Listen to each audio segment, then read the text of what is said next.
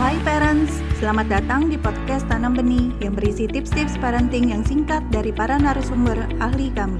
Untuk mendapatkan tips-tips terbaru kami, follow podcast Tanam Benih. Yuk kita dengarkan bersama. Apa yang harus dilakukan bu?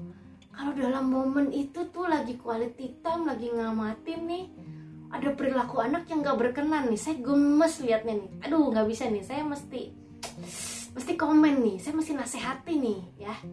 Tidak perlu dinasihati, tidak juga perlu dikomentari langsung yang dikritik begitu ya. Karena Anda niatnya kan mau memahami. Ingat tadi prinsip gunung es. Perilaku anak yang salah itu Anda harus tahu dulu bawahnya. Apa motivasi dia? Apa sebetulnya tujuannya dia?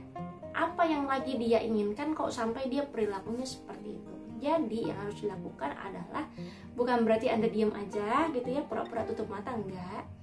Tapi Anda tanya. Dengan hangat Anda bertanya.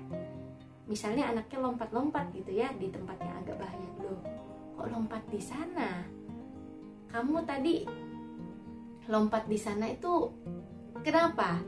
Pengen ngerasain apa? Pengen ngerasain deg-degan bahayanya atau lagi pengen tahu e, saya ini mampu nggak ya e, lompat di tempat yang bahaya kenapa itu tadi kok kayak gitu? Tanya aja dengan santai gitu ya. Apa yang sebenarnya dia e, rencanakan tadi gitu.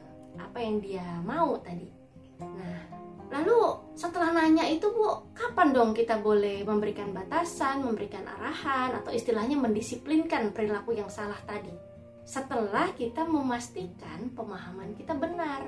Saat kita mendengarkan atau mengamati anak tadi kan kita memproses semuanya itu dalam pikiran kita coba menyimpulkan, oh ternyata begini. Oh ternyata dia begini karena dia sedih misalnya. Oh ternyata uh, ini kayaknya dia lagi butuh ketemu temen nih. Bosen nih kayaknya dia di rumah terus. Oh ini kayaknya dia lagi butuh aktivitas fisik yang bener-bener uh, bikin capek nih, yang bener-bener fisik banget nih aktivitasnya nih kita coba konfirmasikan itu ke dia sebelum mendisiplinkan ya. Tanyakan untuk mengecek betul tidak pemahamannya kita terhadap mereka. Misalnya tanyakan aja e, adik sedih ya? Nggak bisa ke taman hari ini. Itu setelah anda mengamati ya misalnya gitu ya. Kalau anda takut kayaknya anak hanya untuk uh, menyenangkan anda anda saja jawabannya anda boleh tanya begini. Kalau misalnya anda curiga dia misalnya bosan gitu ya pengen main di luar tapi dia sungkan ngomong anda boleh tanya adek pilih besok sore mau main gambar sama mama di rumah atau mau main sepeda di luar? Misalnya seperti itu. Nanti kan dari jawabannya kita bisa mengkonfirmasi oh benar tebakan saya dia tuh bosan dia mau main keluar. Nah, dari jawaban anak inilah nanti akhirnya kita sampai pada pemahaman kita yang benar tentang perilaku dan uh, perkataan anak-anak kita.